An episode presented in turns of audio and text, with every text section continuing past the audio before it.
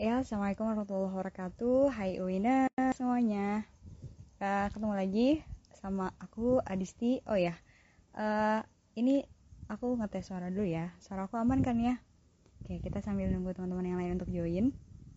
Dan uh, hari ini malam ini ya, malam ini uh, spesial banget karena tumben-tumbennya gitu. Uh, Win Community nge-live malam-malam.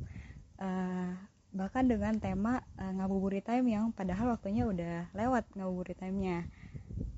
Hai Kak Nur. Eh, BTW suara aku nyambung gak sih Kak? Uh, maksudnya kedengeran kan ya? Komen dong Kak, kasih tahu. Hehehe. Hai Kak Burhan. Ya, uh, oh ya. Malam ini kita akan ngebahas tentang satu tema yang keren banget. Hai Kak Zabang. Eh, ini suara aku aman kan guys? Oke, aman. Makasih Kak Ainur. Ya, malam ini kita akan ngobrolin Oke, siap, siap, siap. Terima kasih banyak Kak Ainur. Ngobrolin dunia broadcasting.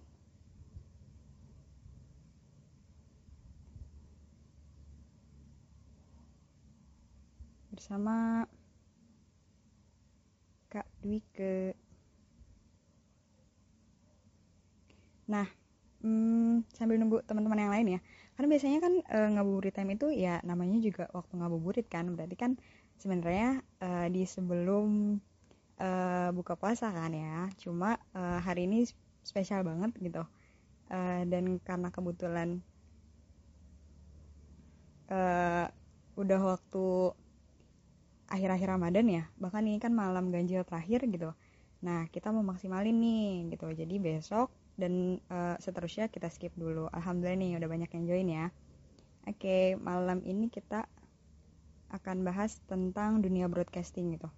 Jadi uh, yap.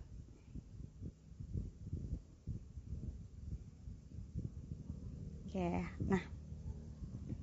Alhamdulillah udah banyak yang join nih guys. Dan hari ini kita kedatangan uh, kakak yang kece banget ya jadi Kak itu salah satu talent juga di uh, serial series gitu kan ya. Uh, dan jadi salah satu tokoh utama juga dan uh, beliau itu termasuk yang aktif nge-host di mana-mana gitu. Jadi uh, kita mau tanya-tanya dan uh, ngebahas tentang gimana sih uh, awal mulanya beliau ada di dunia broadcasting gitu ya, nge-host dan yang lainnya kayak gitu. Nah, uh, sebelum sampai uh, ke situ gitu kan. Uh, ini teman-teman gimana kabarnya? Udah malam ke-29 udah pada zakat fitrah kan ya? Udah pada aman ya zakat fitrahnya? Jangan lupa loh kalau misalkan ada yang kelewat besok masih bisa insya Allah. Uh, coba cari tempat-tempat uh, yang masih membuka uh, eh kok membuka? Uh, maksudnya yang yang me, me, apa namanya yang menerima gitu. Yang ambil ambil zakat kan banyak nih bertebaran gitu apalagi kan uh, masih dalam hashtag di rumah aja gitu kan ya. Ya walaupun banyak banget nih yang uh, apa namanya keluar ke mana-mana gitu ya. Tapi sebisa mungkin uh, semoga kita jadi orang-orang yang uh, masih termasuk dalam orang-orang uh, yang stay gitu ya di rumah ya. Karena ya seenggaknya gitu kalau misalkan kita emang uh, apa ya nggak bisa ngobatin gitu kan ya. Maksudnya nggak bisa ngebantu banyak gitu. Ya udah kita stay di rumah aja gitu. Lagi nih malam ke 29 dan di mana mana kayaknya gimana ya uh, ya beda banget sih ya Ramadan yang lalu dengan yang biasanya gitu. Apalagi ini kan sesuatu hal yang baru banget nih buat kita gitu. Udah di rumah aja gitu ya nggak ngapa-ngapain terus itikaf juga susah ke mana-mana susah gitu. Nah uh, nanti kita juga tanya nih ke Kak Dwika uh, tipsnya apa sih untuk malam malam-malam terakhir ini gitu ya? Uh, beliau tuh sibuk apa sih gitu? Karena uh, setahu aku beliau itu buka ini ya buka apa ya uh, jadi kalau misalkan kita follow uh, akunnya beliau gitu. Nah Kak Dwika ini uh, aktif ngebuat yang namanya uh, Friday Recharge. Nah jadi uh, itu biasanya diskusi-diskusi uh, yang beliau uh, pandu gitu. Dan joinan kayak gini gitu. Nah bedanya kan biasanya beliau yang nge-host gitu. Nah ini sekarang beliau yang di-hostin kayak gitu. Yep wah ada bang Mahmud Firmansyah dapat salam bang dari Kabakja katanya gitu. Oh ya teman-teman yang mau gabung juga boleh banget nih buat ya seenggaknya melepas rasa rindu kan. Menahan rasa ingin jumpa gitu kan ya udah uh, jumpanya via uh, visual aja gitu kan ya. Semoga setidaknya terobati lah. Nah, alhamdulillah nih uh, Kak Dwike udah join bareng kita. Uh, aku undang dulu ya teman-teman. Dan uh, insya Allah malam ini ya, malam ini malam terakhir ya. Uh, malam uh, ngabuburit time gitu. Jadi insya Allah besok uh, udah nggak ada lagi nih gitu. Tapi insya Allah kita bakalan nge-live lagi dengan sesi yang lainnya. Alhamdulillah. Assalamualaikum Kak.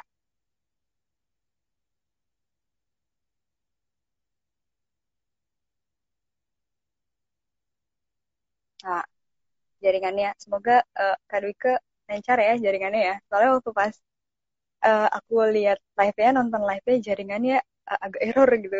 Jadi agak deg-deg gimana gitu kan. Nah, uh, ya sambil kita nunggu Kak Dwike untuk join. Uh, gimana teman-teman? Malam terakhir uh, ngabuburit time kita gitu. Oke, beliau keluar. dan kayaknya jaringannya sih jaringannya beliau maksudnya error ya nah kita sambil nunggu beliau. Lagi uh, malam terakhir ini uh, semoga bukan malam terakhir pertemuan kita ya. Uh, tapi uh, cukup malam terakhir di ngabuburit time aja untuk edisi pandemi gitu. Karena semoga kita berharap tahun depan kita nggak ketemu pandemi lagi gitu ya. Bahkan kalau bisa besok gitu ya. Udah nggak usah gitu. Bisa ketemu pandemi lagi gitu kan ya. Udah susah silaturahim kangen-kangenan ya kan? Nah oke okay. Kak ke join nih guys Oke. Ya, Alhamdulillah. Assalamualaikum Kak Dwike. Hai Kak. Nyambung nggak nih suara aku? Oke, beliau loading lagi guys. Mohon maaf ya ini kalau misalkan uh, gambarnya rada-rada kayak titik-titik gitu gitu kan, titik-titik putih gitu. Tadi ke oh, kita masih nunggu ya. Sabar kan teman-teman nunggu? Udah bisa belum sih? Oke. Okay. Oh, udah, udah, udah. Alhamdulillah, udah. Oke. Okay. Mm-hmm. Okay. Assalamualaikum Kak ya, Waalaikumsalam. Siap. Gak apa kak. Kita setia nunggu kakak kok. Eh. Terima kasih. Ya, gimana nih kak? Uh, malam-malam terakhir, udah malam terakhir aja nih ya. Karena besok, eh lusa itu bisa jadi uh, kita bisa lebaran gitu kan. Bisa jadi uh, besok lusanya lagi gitu kan ya. Nah, kesibukannya apa aja nih kak? Eh, nge-host mulu nih kayaknya nih. Ah, Alhamdulillah nggak tahu sih bingung juga di akhir-akhir malah uh, dikasih apa ya dikasih kesempatan yang seperti itu gitu. Jadi sebenarnya ujian uh. juga sih gimana di waktu di hari-hari terakhir mm -hmm. disibukkan mm. juga disibukkan juga dengan hal yang seperti itu gitu. Ya paling ya itu sih kegiatannya itu. Kalau di rumah kalau lagi nggak nge ngapain nggak? bikin kue di rumah nastar udah jadi kak Enggak, aku nggak bikin kue. Ini udah banyak yang ngasih oh, sih. Aduh. Ah. Iya. Boleh satu lah kirim kak ke rumah ya. boleh, boleh. Aku kalau di rumah paling uh, ya ngobrol sama orang tua, terus juga paling jualan hmm. sih. Jualan-jualan. Oh. Aku seneng jualan soalnya apa aja dijual. Oke, okay, jualan apa kak? banyak jadi promosi nanti beda lagi ntar oke okay. Nggak apa-apa dong nggak apa-apa. Kan kita memanfaatkan kan uh, di masa pandemi kan uh, ya kita berharapnya besok udah pengen selesai gitu ya kak. Tapi kan kita nggak tahu nih kali aja uh, hmm. dari kakak gitu mungkin aja kita bisa belajar buat uh, gimana caranya ya seenggaknya kita tetap punya cuan lah ya walaupun gak minta sama orang tua gitu. Iya iya. Sekarang memanfaatkan keadaan sih sebenarnya apa kan sekarang online.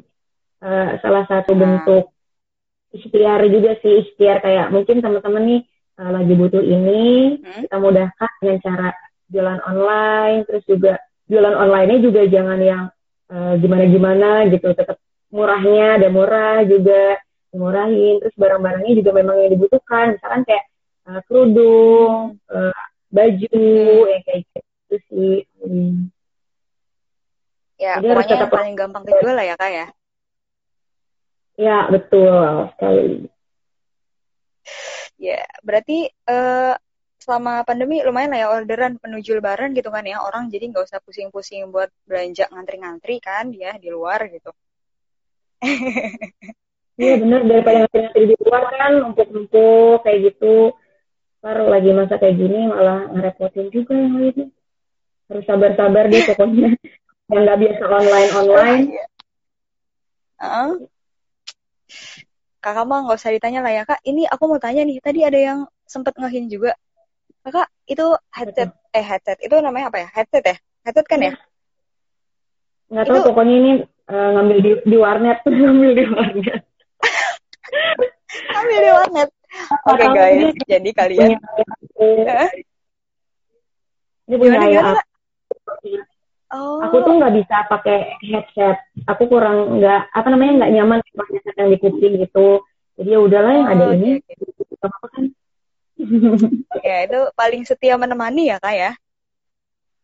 Kayaknya kalau kakak lagi live buat Friday recharge gitu kan. eh, itu kan aku dibilang nah, gamer lah, iPhone. iya bener. Makanya tadi karena ada yang wah kayak menarik nih kan? Coba kita ulik dari mana oh ternyata punya ayahnya kakak gitu kan ya. Jadi keren banget nih ayahnya ya, kakak pakai ginian gitu. Nah uh, ya kak. Uh, selain ngebahas tentang uh, sharing-sharing yang tadi gitu kak. Uh, mau tanya nih kak uh, selain sibuknya kakak gitu kayaknya tadi uh, tadi sore ya berarti ya abis nge-live sama hmm. Pak Fari. mm -mm. Ya nggak sih? Gimana tuh kak rasanya? Asik yeah. deh. Ah. Sebenarnya sih mungkin aku nih orangnya sebenarnya deg-degan panik cuman mungkin karena yeah. online eh? jadi uh, oh. ya terbantu lah ya online iya aku ciut juga kalau misalkan ngom, apa namanya ketemu langsung mungkin lebih ciut deg-degan pasti ada cuman balik lagi uh -huh. kayak ternyata ujung-ujungnya uh, eh, gue dikasih kesempatan jadi yang seperti ini. Berarti itu memang sesuai jurusan aku jurnalistik kayak gitu. Jadi ya udah berarti memang uh, passion yang mungkin di sini akunya juga menikmati ya udah di sinilah kita jalanin. Ya alhamdulillah hmm. gitu. Pokoknya semuanya alhamdulillah deh. Oke, nah kak ngomongin jurnalistik nih kak, uh, jadi dari dulu tuh kakak emang hobi hmm uh, nge-public speaking gitu atau uh, ya biasa aja gitu atau gimana atau termasuk tipe-tipe yang introvert tapi kayaknya mau nge-challenge diri gitu Oke, okay. aku sebenarnya kalau dibilang uh, public speaking, jurnalistik atau dan lain sebagainya, itu aku nggak kepikiran bahasa-bahasa yang kayak gitu. Yang aku pikirkan adalah uh, aku harus jaga komunikasi. Aku mau masuk komunikasi. Aku ini orang IPA. Aku ini orang IPA dulunya sebenarnya. Okay. Gitu. Jadi IPA IPAan uh, lintas jurusan. Oke, okay, dulu okay. tuh aku IPA, nilai aku, nilai aku tuh sama antara IPA sama IPS-nya gitu. Waktu pas oh. penjurusan ya IPS aku sama, aku sempet bingung IPS hmm? apa IPA ya gitu. Sebenarnya sempat kayak uh, ngegampangin IPS sih. Sebenarnya ngegampangin IPS aku jujur SMA aku uh, kayak ngegampangin IPS. Uh, kayaknya IPS mah bisa uh, belajar dengan sendirinya gitu. Sedangkan kalau IPA tuh memang ada rumus yang sama itu yang harus aku pelajari. Iya benar-benar. Jadi waktu itu aku memilih jurusan IPA, tapi tetap nanti setelah gue lulus SMA, gue harus masuk jurusan komunikasi. Jelas, jelas pasti gue ntar uh, kuliah kerja pasti bidangnya IPS. Tapi pasti IPS gitu. Nah ini kayak nyuri ilmu di SMA doang gitu loh. Kayak nyuri ilmu di SMA doang, Pak. Ujung-ujungnya oh, iya. anak IPS. Jiwa-jiwa sosial ya, asik deh. Hmm. Nah, ya berarti hmm. kalau misalkan uh, kakak kan tadi uh, cerita kalau misalkan kakak uh, jurusan jurnalistik ini kan ya. Nah, berarti kalau hmm. di jurnalistik uh, UIN kan biasanya ada ada RDK nih, ya nggak sih? Iya. Hmm. Nah, kakak biasanya ngisi di segmen apa tuh kak? Kalau misalnya di RDK? Oke, mungkin di sini teman-teman ada yang baru dengar kali ya RDK itu apa? Aku jelasin sedikit. RDK ini radio dakwah okay. dan komunikasi. Ini uh, di fakultas dakwah dan komunikasi tentunya dan di situ aku bergabung dari semester awal itu sampai semester 3 berarti. Di situ aku semuanya jadi penyiar, semuanya jadi penyiar. Semua yang hmm. masuk di RDK itu semuanya jadi penyiar dan uh, di sana tuh digilir gitu loh. Karena ada beberapa uh, beberapa hmm. program, ada yang news, yeah. bagian news, ada kayak seputar Islami, yang religi religi kayak hmm. gitu. Terus ada juga yang santai-santai yeah. ngobrolnya tentang musik-musik, tentang ngobrol santai, pembahasan tema-tema yang menarik gitu. Nah di situ aku belajar semuanya. Aku belajar oh. semuanya di situ. Emang yang paling uh, aku eh, yang paling sulit itu memang di bagian news sama yang seputar Islami. Kenapa? Karena seputar Islami kan kita harus benar-benar ini ya. Kalau dulu kan aku mungkin masih benar-benar apa ya, uh, ngomongnya beneran ceplos-ceplos gitu yang harusnya kalau di program uh. itu tuh nggak lu aku uh. ngomongnya tuh buat aku gitu jadi banyak ininya harus latihan-latihannya dibiasainnya tuh super banget gitu mungkin kalau pembahasan kita bisa pelajari tapi cara pembawaannya uh. ini yang harus terus termasuk news yep. news itu kan juga katakanlah yang serius ya. Itu pembahasan yang serius. Yep. gitu. Uh. orangnya tuh bukan tipe orang yang serius. Bukan bukan tipe orang yang serius. Sih benar-benar belajar dulu lah gitu. Sampai akhirnya aku minta sama produser di RDK jadi kayaknya gue dimasukin di bagian musik atau di bagian ngobrol-ngobrol santai aja. Dan akhirnya masuk masuk banget dan aku menikmati lebih menikmati yang ngobrol-ngobrol yang santai itu gitu pantesan ya tadi aku sempat ngeliat postingan kakak gitu uh, itu lagi nge-cover lagu kangen kalau nggak salah ya nggak sih Sumpah itu yeah. maksudnya biasanya biasanya kak orang orang itu berlomba-lomba untuk uh, membagus-baguskan suaranya, memerdukan suaranya gitu ya. Lah ini gitu ya, auto di gimana ya? Itu nggak aku nggak tahu namanya apa gitu, tapi pokoknya teman-teman pasti tahu yang dicempreng-cemprengin gitu ala-ala kayak Donald bebek gitulah ya. Hmm. Itu emang sengaja. itu emang sengaja sih. Jadi yang kayak ya iseng aja gitu. Karena malah di sama yang viral-viral kalau bagus ngeri akunya jadi ya udah di situ aja buat menghibur teman-teman aja eh ya ya ya tapi kan uh, yang penting kan uh, tujuannya beneran menghibur gitu ya kalau bukan cari sensasi kayak yang udah-udah gitu kan ya. Yang tidak patut untuk iya. kita contoh gitu. Nah bener banget kak. Nah uh, kira-kira nanti bakal balik lagi nggak nih kak? Siaran lagi gitu di RDK atau mau fokus ke mana gitu untuk ke depannya Oke, jadi kalau misalkan berbicara tentang dunia radio, mungkin kayaknya sih, aku nggak tahu ya ke depannya gimana, rezekinya gimana. Ya. Kalau di RDK memang udah udah enggak, karena memang ada masanya tersendiri. Uh, aku juga pernah Coba merasakan, gitu ya? aku pernah ikut kelas radio. Ya. Iya, aku pernah uh, ikut kelas radio, itu dari Prambors. Itu kelas radio oh. dan Iya, ada kelas radio, kelas belajar radio. Itu aku pernah ikut Uh, tapi ternyata aku tidak masuk dalam uh, atmosfer uh, teman-teman yang ada di dunia radio. Ngerti gak sih kayak? Maksudnya gimana tuh? Aku suka, aku suka siaran, aku suka bincang-bincang. Uh. Tapi uh, kayak dapurnya uh. radio, orang-orang di dalamnya itu aku nggak masuk. Bukan okay, bukan, okay. oh, gue kayaknya nggak bisa nih kalau gue masuk radio kayak gini kayak gini kayaknya enggak deh. Gitu. Sebenarnya mungkin kalau dibilang sanggup belajar itu bisa banget. Tapi akunya yang udah yeah. kayak mundur gitu loh udah mundur. Hmm. tapi mungkin uh, kalau misalkan uh, radionya bukan radio uh, apa namanya kayak kayak Prambors itu kan radio banget lah ya katakanlah radio banget. Iya. Radio banget. Ngepop Indonesia mungkin, banget lah pokoknya apalagi udah bertahun-tahun kan. Iya itu aku ngerasain kayaknya uh, passion gue memang uh, di siaran tapi tidak untuk uh, di dunia radio yang seperti itu gitu Hmm. Oke oke oke. Itu aku Nah, juga kaget, eh, gue gak nyambung gitu. Aku juga kaget Oh, sebenarnya iya, aku nggak iya. nyambung eh, tentang kerja Waduh. keradioan kayak gini gitu. Oke oke. Berarti eh, agak sulit buat sosialisasi juga berarti ya jatuhnya ya. Karena mungkin beda beda kelas gaul ya nggak sih Kak? Kadang kalau misalkan itu kita suka sama penyiar dan yang lainnya gitu, ya nggak usah sama penyiar deh. Kadang di kelas aja gitu kan ya. Kita auto eh, suka Iya. milih-milih gitu kan buat menentukan kayaknya gue nyamannya sama dia gitu kan ya kayak gitulah. Benar-benar benar. Apalagi ini gitu yang Terima kasih sudah yang mewakili ya. Terima kasih udah mewakili. alhamdulillah gitu. Aku mengerti ya. Ah connect lah ya kan. Nah. Berarti eh, ngomongin tentang eh, Instagramnya kakak juga nih kak. Kakak kan punya salah satu program eh, ya yaitu si Friday Recharge gitu kan ya. Nah Mm.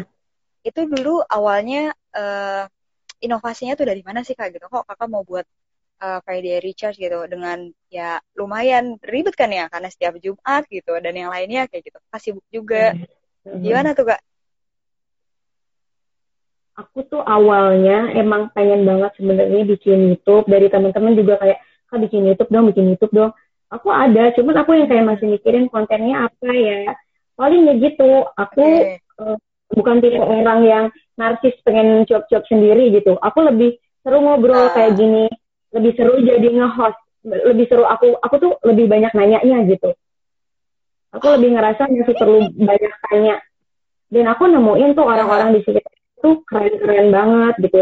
Sempat terpikir kayak ah Hmm. kayaknya gue eh, nanti bakal di YouTube gue bakal bincang-bincang sama teman-teman gue yang gue rasa mumpuni di bidang ini gitu. Itu di situ. Hmm. Cuman karena hal kayak gini, lagi pas banget ada pandemi kayak gini, ya udah eh, Iya. idenya aku pindahkan dulu untuk sementara secara online yang di Friday Recharge itu. Jadi aku realisasikannya di Friday Recharge dulu gitu. Jadi awalnya kayak Oh, gitu. jadi berarti bisa eh, jadi ini salah satu project eh, memang jangka panjang ya kak? Insya Allah, Tapi insya ya- Allah. Pengennya sih. Ya semoga lancar ya. Apalagi kan pasti kakak juga udah sering eh, latihan gitu kan ya di di live IG gitu kan. Jadi nanti kalau misalkan mau ke eh, YouTube dan yang lainnya udah pasti langsung cas cis cus ya. Ya walaupun eh, nggak dipungkiri Amin. gitu, kakak emang banyak banget nge-host di mana-mana gitu kan ya.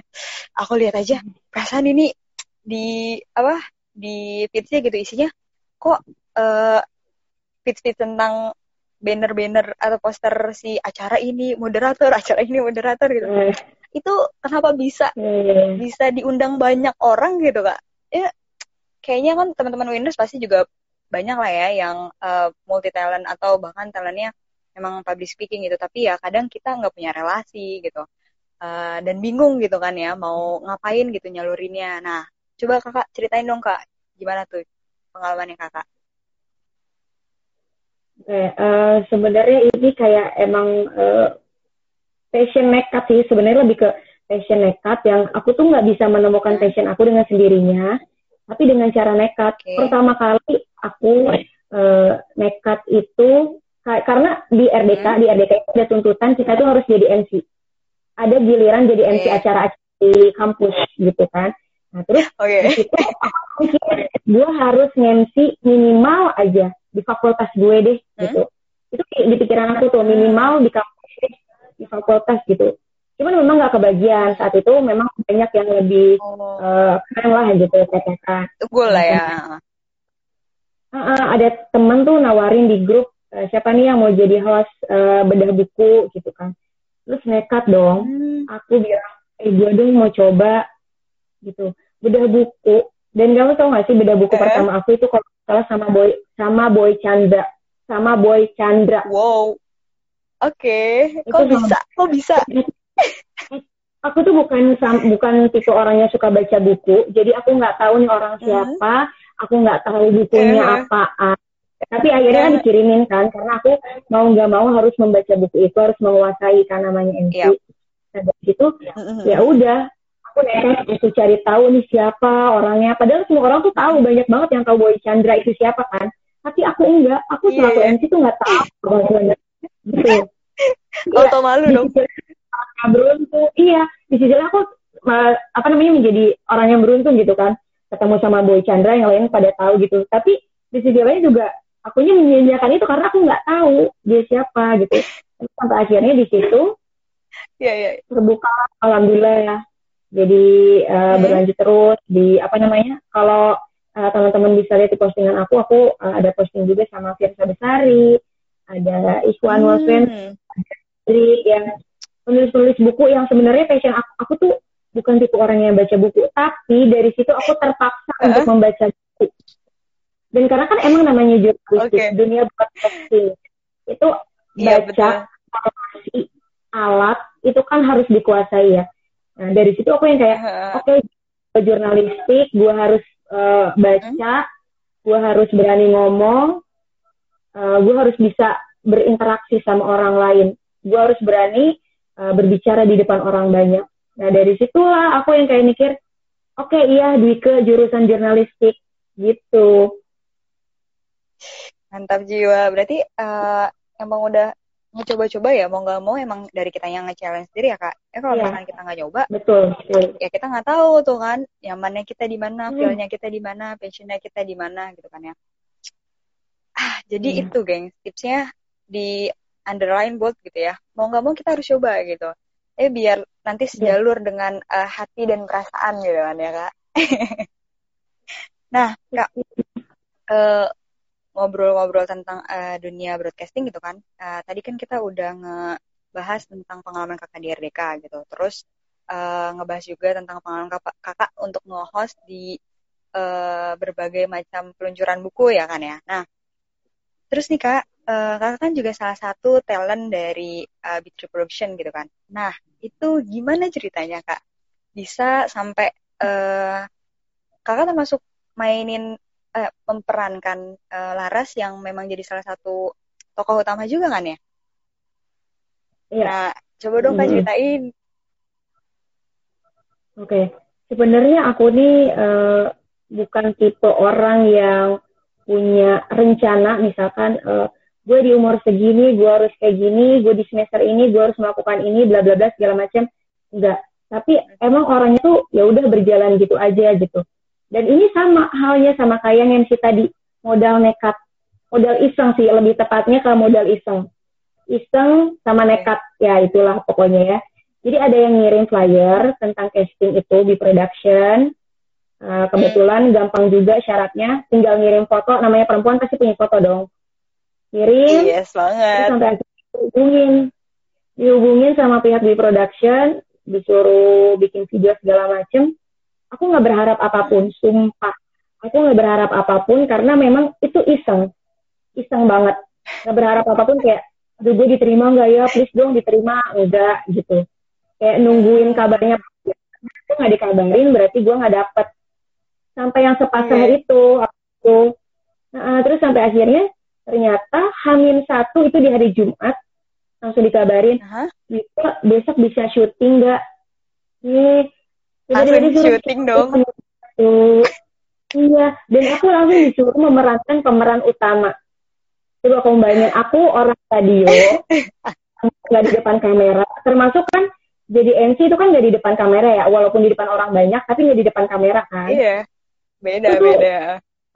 lagi iya itu menjadi hal yang baru lagi buat aku terus Mhm. eh, ya lagi-lagi modal nekat kayak ya gue masuk lagi berarti gue harus mendalami hal ini gue harus belajar tentang apa yang udah gue dapat gitu ya udah dari situ eh, akhirnya aku tampil di depan kamera pertama kali Hmm. pasti karena itu pertama kali eh, ngeteknya berulang-ulang kali sampai padahal itu aku orang baru udah diomelin sama sutradara Oke. itu udah diomelin sama sutradara sempat ngedown kayak aduh gue tuh emang nggak bisa nih kayak gini nih gitu kan tapi sampai akhirnya belajar Uh-huh. sama Biproduction bareng-bareng Hmm. bisa dan kerennya lagi aku tuh orangnya penasaran juga termasuk orang yang penasaran pengen tahu gitu kayak setelah aku Hmm. masuk di production itu kan hal yang baru ya hal yang baru dunia broadcast Hmm. yang baru gitu filman dan kayak ternyata oh ternyata eh, tugas kru uh, sutradara tuh yang kayak gini, ada kameranya, oh ternyata syuting kayak gini ya.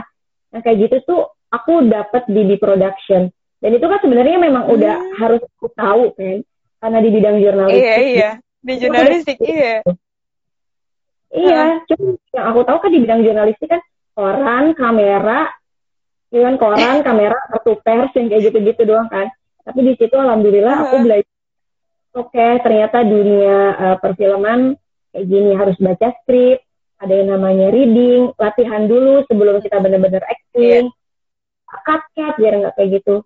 Itu aku dapetin banget dari uh, pertama kali banget bener-bener aku di dunia perfilman dari di production, termasuk uh, syuting yang serius. Termasuk syuting yang serius juga aku Hmm. belajar dari production. Kayak krunya banyak banget sampai bejibun. Ternyata bikin film tuh nggak gampang, capek dan nunggunya hampir setengah harian. Padahal ngeteknya cuman berapa menit selesai. Beberapa kali, iya. Mm-mm. Itu ternyata dari situ aku belajar. Oke, Dwiko memang harus eh, dunianya memang dunianya seperti ini. Gitu. Aku yang kayak apa yang udah aku dapetin, oke. Berarti ini memang yang Allah kasih gitu buat aku dan eh, gimana caranya aku memanfaatkan apa yang udah Allah kasih. Gitu.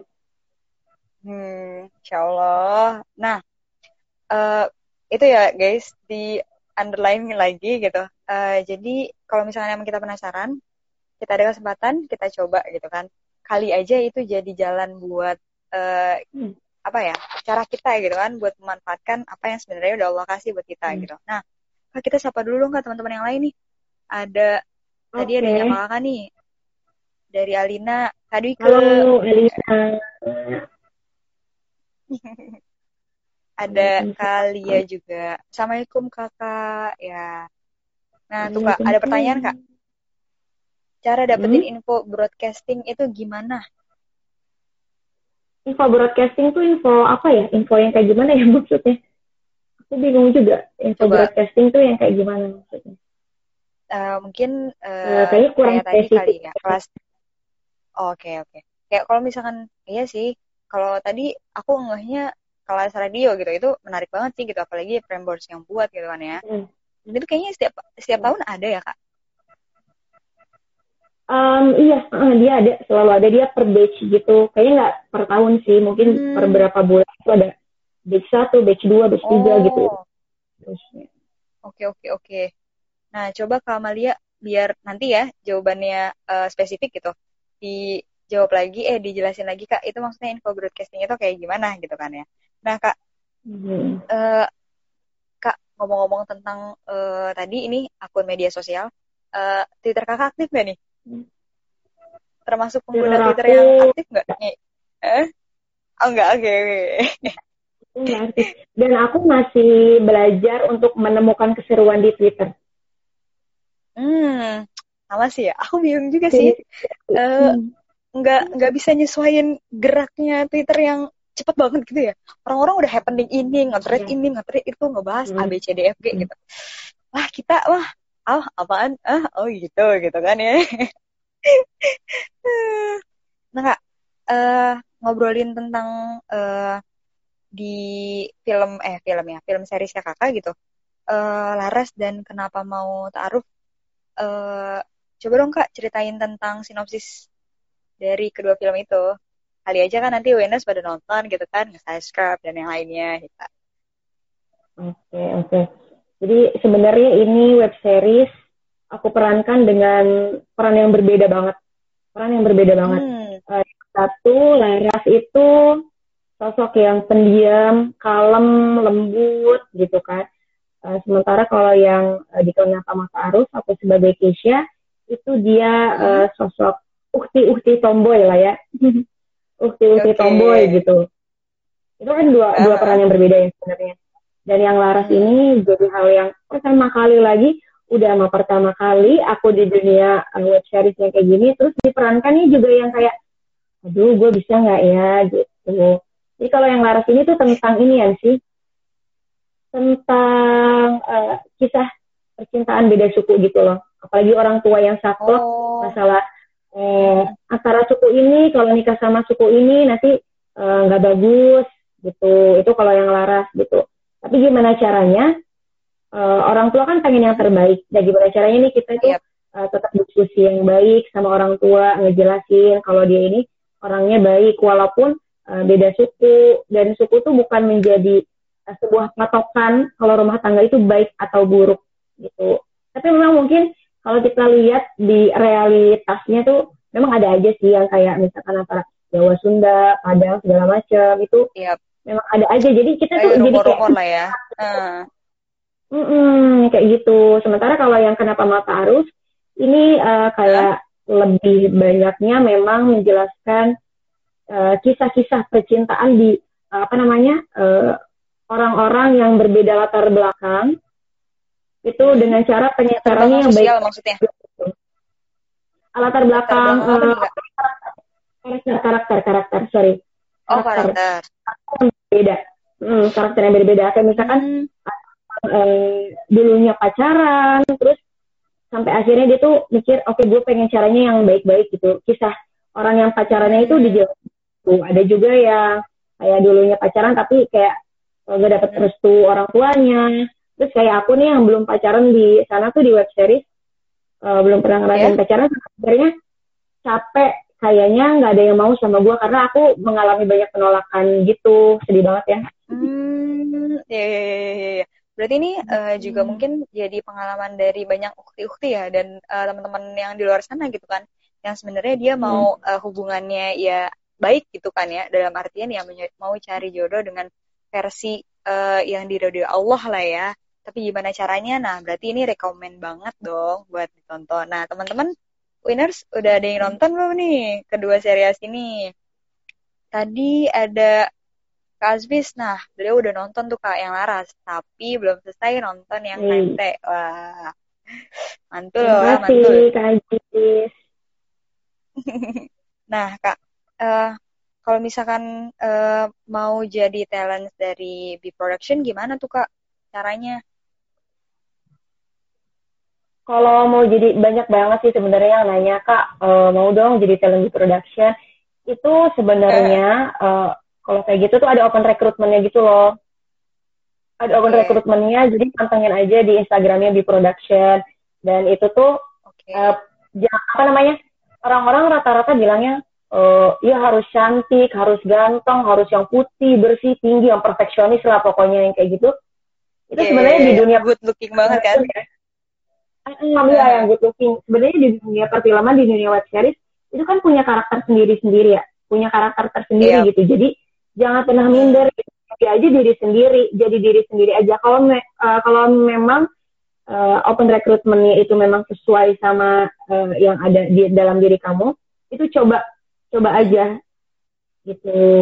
Jadi jangan sampai apa namanya jiper kali jangan sampai minder. Enggak yeah, iya, melulu yeah, yeah. tentang fisik gitu kalau dunia film. Uh. gitu sih. Pantengin aja pantengin aja pokoknya di Instagram di production.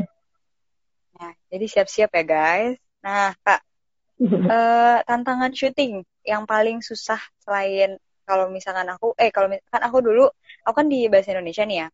Uh, kita tuh ada uh, namanya kelas kajian drama gitu. Nah uh, di jenjangnya kalau misalkan teori udah selesai gitu di semester selanjutnya kita akan ngebahas eh kita akan praktik gitu. Nah, biasanya kita belajar sama uh, orang-orang teater yang memang uh, teater-teater yang ada di sekitar Ciputat gitu. Terutama teater Syahid dan yang lainnya kayak hmm. gitu. Nah, hmm. yang paling ribet emang sebenarnya uh, ngereading gitu waktu pas baca ngehayatin hmm. sampai si bukan sih ya tapi maksudnya uh, pembimbingnya tuh langsung sutradaranya tuh langsung kayak tolong dihayatin gitu kan dirasukin ada rohnya gitu kalau baca gitu kan ya. Nah kalau kakak sendiri hmm. tuh tantangan yang terberat berat uh, waktu syuting tuh apa kak? Tantangan terberat aku adalah itu yang tag berkali-kali itu di web series Laras eh? yang aku kan suaranya aku kamu dengarkan suara aku tuh ngebas segini kan? Suaranya nggak uh, cewek banget lah ya. Karena nggak cewek banget gitu. Yeah. sementara aku uh, menjadi sosok Laras perempuan lembut yang kalau ngomong tuh halus banget gitu kan. Aduh, Terus aku aduh, di production itu di di production itu kan uh. memang banyak uh, apa namanya kutipan kutipan atau quotes quotes gitu kan di dalam setiap uh, seriesnya hmm. ada. Yeah. nah di situ di situlah aku harus uh, ada scene yang ngomongnya harus lembut gitu kan ketika saat itu gitu gitulah pokoknya itu aduh nah, aduh terus oke oke. Nggak bisa menghayati. Mungkin kalau menghayati bisa. Tapi untuk melembutkan suara yang emang udah kayak gini serak begini nih Mhm. kayak aduh gimana caranya? Gue nggak mungkin ganti suara gue suara gue kan udah kayak gini gitu kan. Iya, bener-bener. tag kali dan kalimat pertama yang eh, eh, paling aku ingat banget dari sutradara apa? Yaitu suara lu tuh nggak enak sakitnya tuh di sini guys. Demi apa sih kak? Oh Mm. my god ya ini? ampun. Aku yang kayak eh diri gua ini emang suara gua begini lu mau maksa gua gimana? Ya ya gimana gitu kan? Tapi akhirnya aku yang kayak mikir lagi belajar lagi oh ternyata dunia perfilman yang seperti ini kita masih bisa belajar sebenarnya. Jangan sampai ada pembelaan diri kayak diri gua kan kayak gini kok lu ngatur-ngatur gua enggak. Sebenarnya kita tuh bisa eh, mengeksplor diri kita ya. Bukan kita berusaha untuk menjadi orang lain tapi kita tuh mengeksplor iya, iya. diri kita caranya kayak out of the Hmm. box diri kita nih challenge diri kita sendiri gitu. Itu sebenarnya kita bisa kan? Jangan sampai kita iya, nge-hold iya. diri kita yang kayak kita ngerasa nggak mampu. Sebenarnya kita mampu. Kalau misalkan eh, Ah. lagi-lagi belajar kita belajar ya. Jadi gitu kejadian terunik kak waktu pas syuting kak ngapain tuh kak kebodohan kebodohan atau ih sumpah gue norak banget nggak tahu gituan gitu Oh, oke oke oke. Eh apa ya paling kayak ini sih apa namanya eh, masalah make up. Yang waktu pas pertama kali aku Oke. dilaras juga masalah make up. Itu aku bener-bener diceng-cengin sampai sekarang. Karena mungkin orang baru Hmm. juga kali aku orang baru. Jadi eh, orang-orang di production tuh nggak berani negor. Karena dikiranya mungkin memang aku tipe orang yang make upan. oh Jadi nggak gitu Padahal itu tuh aku make up karena aku tuh ngerasa oke gue mau acting, gue mau syuting harus pakai make up di depan kamera gitu kan. iya? Kamera Hah? itu ternyata aku tuh menor. Itu aku yang kayak Oh, di komentarin sama netizen "Ih, kok Hmm. ini gitu sih sesuai sama karakter.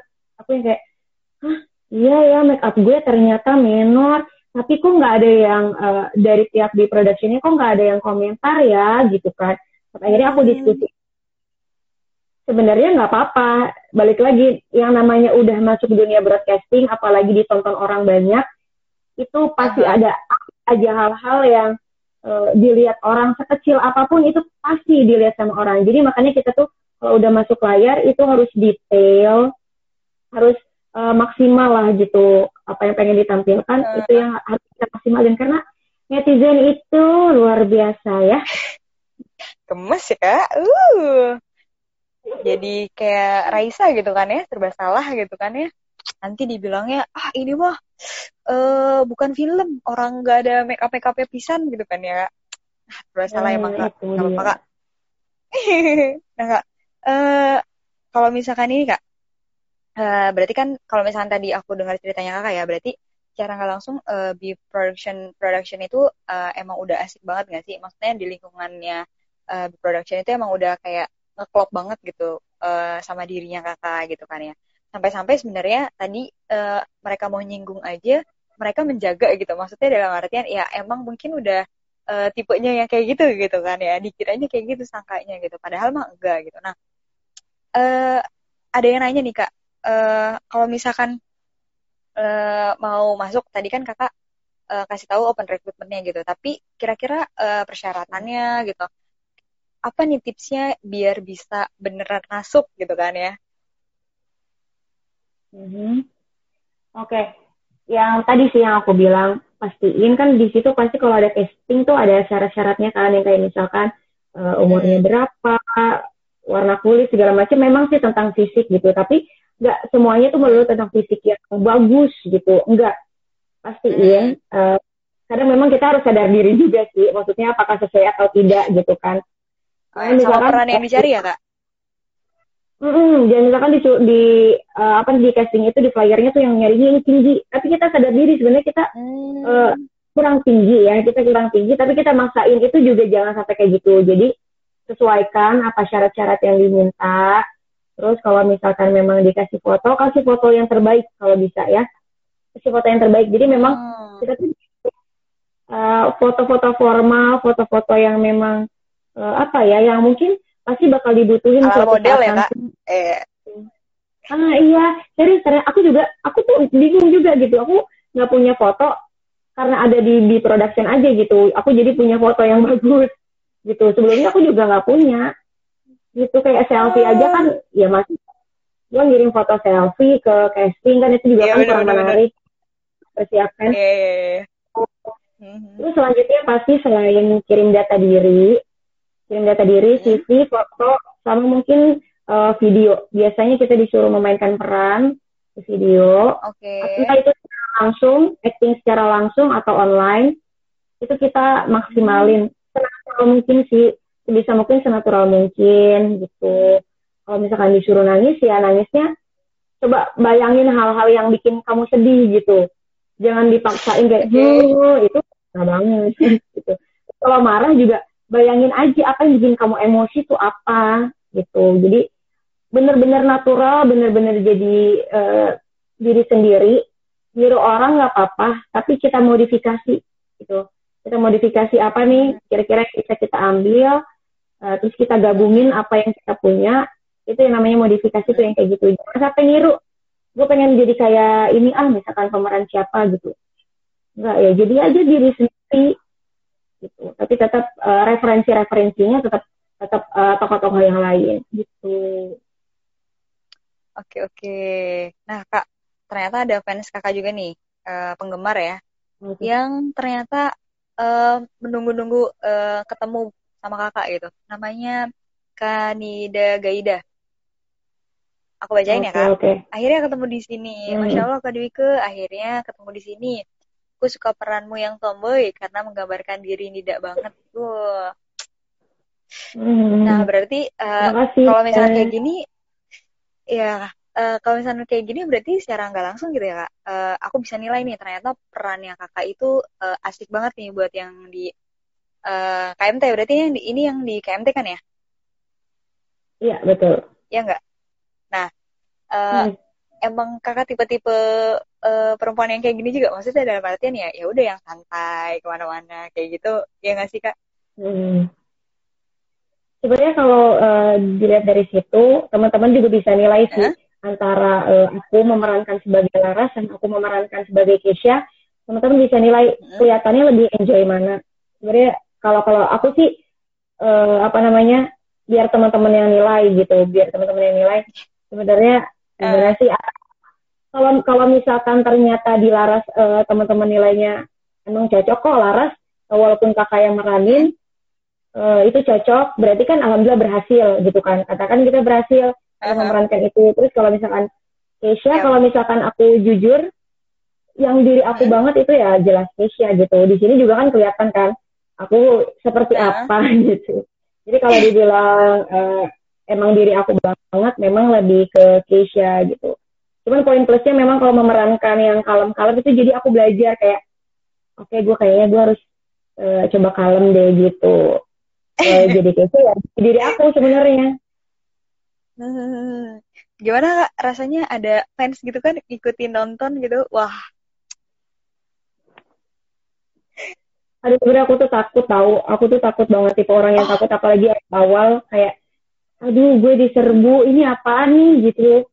Itu aku takut banget sebenarnya aku takut banget uh, pertama hmm. berarti uh, aku udah dikenal sama orang kedua okay. pasti uh, apa yang aku lakuin bakal dikomentarin bakal ada aja yang uh, yeah. nangkepin gitu kan mungkin sebelumnya kayak oke okay, gue mau aja terus gue gitu kan tapi dengan uh, kondisi seperti ini ya jadi harus apa ya jadi ada benteng tersendiri sih. Tapi itu menurut aku itu hal yang sangat positif. Dari benteng dari membentengi diri itu eh dari membentengi dari komentar netizen yang takut yang aku khawatirin itu jadi bisa huh? jadi benteng diri aku sendiri gitu. Jadi bisa ngefilter juga kan jadi bisa ngefilter apa yang uh, aku update apa yang aku lakuin di medsos yang kayak gitu jadi filter dan mudah-mudahan sih jadi bahan evaluasi diri juga. Uh, Insya Allah banget nih kakak nih. Uh, banyak inspirasi ya ngobrol sama kakak nih. Amin amin amin. Mudah-mudahan jadi amin. jadi uh, apa namanya? Uh, tadi salah satunya berarti kan uh, ternyata dengan kita sebagai berarti jatuhnya kan karena sudah dikenal sama banyak orang uh, itu bisa dianggap sebagai kategori public figure lah ya. Nah terus nggak uh, boleh sembarangan gitu uh, mengemban hmm. ya bukan mengemban ya bahasanya memerankan public figure itu ya nggak boleh sembarangan gitu. Nanti apa apa ya dicontoh, nanti apa apa ya diikutin gitu, nanti apa apa ya di dinyinyirin gitu kan ya dan harus siap sedia gitu kan mulai dari mental yang pasti kan ya kak apalagi tadi belum apa-apa aja padahal uh, sutradara sama produser yang udah nerima kita ya gitu kan ya tapi dibilang suara kita jelek maksudnya kayak apaan banget sih? Terus gitu nah, kalau misalkan eh, nggak uh, kuat-kuat banget ya pasti udah auto lah ya. Mungkin nggak nggak bisa nggak bisa dan sampai kayak sekarang gitu kan ya kalau misalkan kita nggak tahan-tahan gitu nggak sabar-sabar gitu ya. Ternyata banyak banget uh, hikmah yang Allah kasih gitu. Uh, dan itu munculnya dari uh, banyaknya ujian. Dalam artian ya kalau misalkan kita banyak ngikutin uh, apa ya bukan percobaan ya banyak ngelakuin percobaan gitu. Berarti kan kita banyak ngelakuin ujian ya kayak ya. Nah dari situ berarti insya Allah banyak banget pembelajaran yang bakalan kita dapetin. Nah uh, selain dari uh, apa ya komenan head head comment gitu kak yang tadi uh, apa make up yang nggak sesuai sama perannya Laras gitu ada lagi nggak kak yang paling nyesakin gitu? Maksudnya sampai DM lah atau apa segala macam kayak gitu-gitu yang jahat banget gitu loh. Hmm apa ya? Mungkin ada cuman aku kayak udah lupa gitu loh. Mungkin awal-awal ada.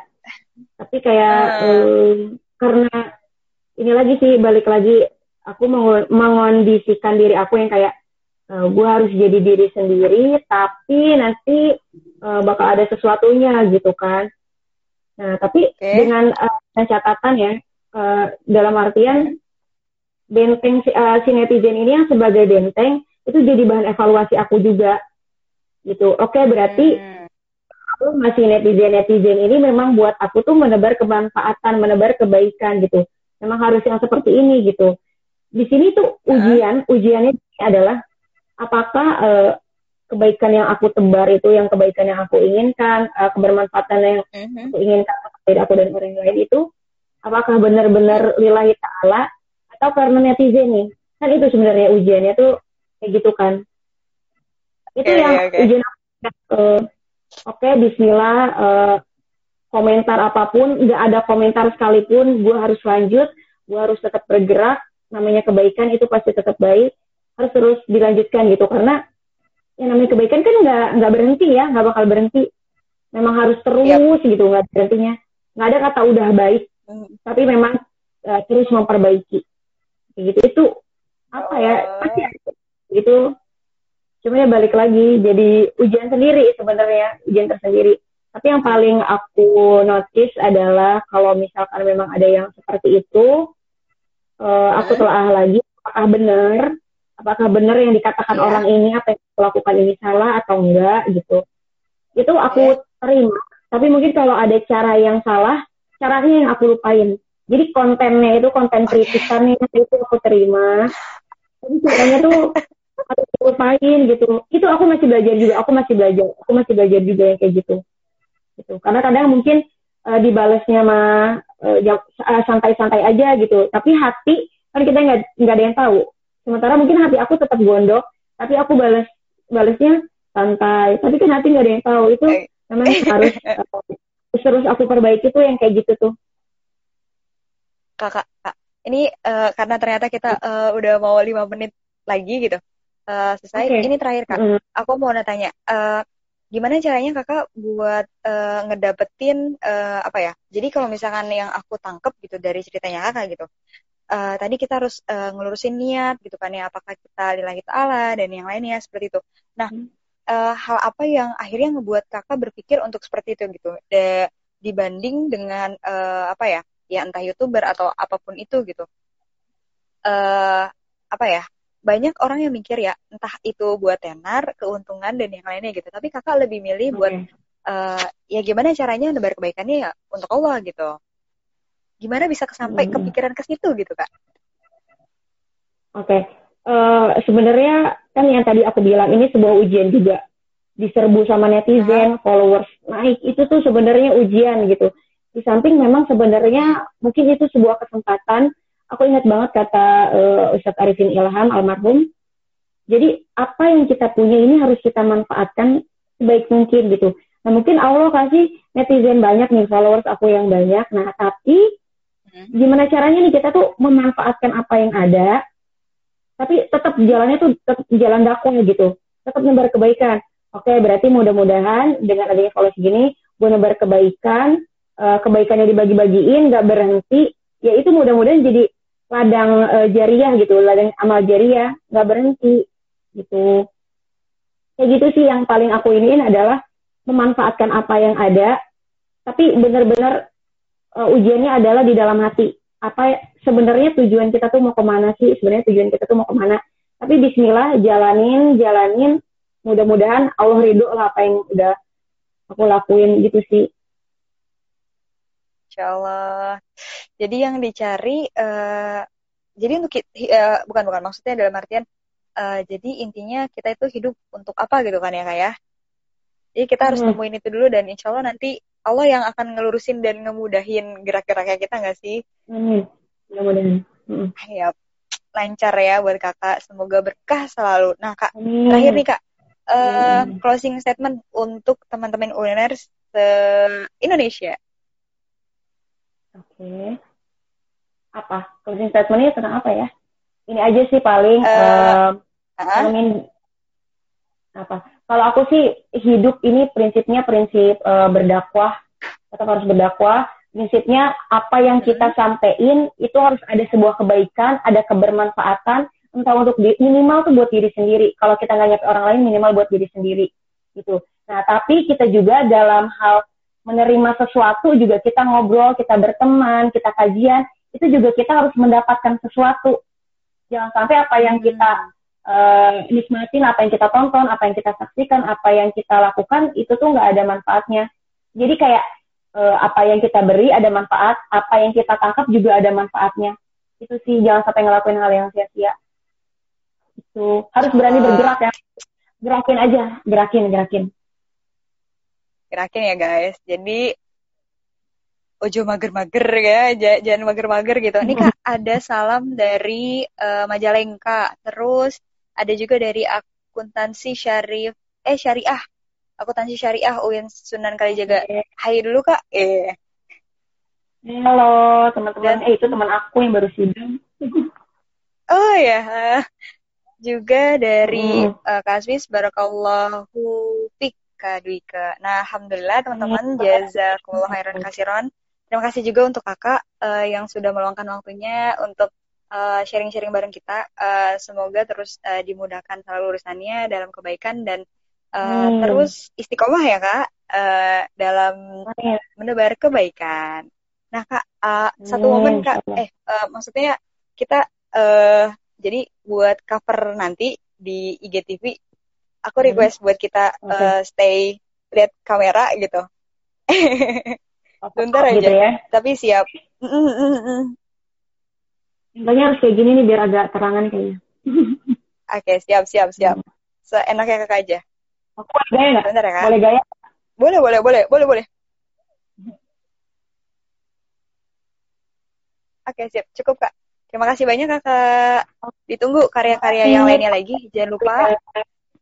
Ya, jangan lupa kalau misalnya ada acara-acara bisa tag Win Community ya teman-teman. Semuanya bebas gratis ya. Tinggal DM aja kita. Oke. Terima kasih semuanya. Wassalamualaikum warahmatullahi wabarakatuh.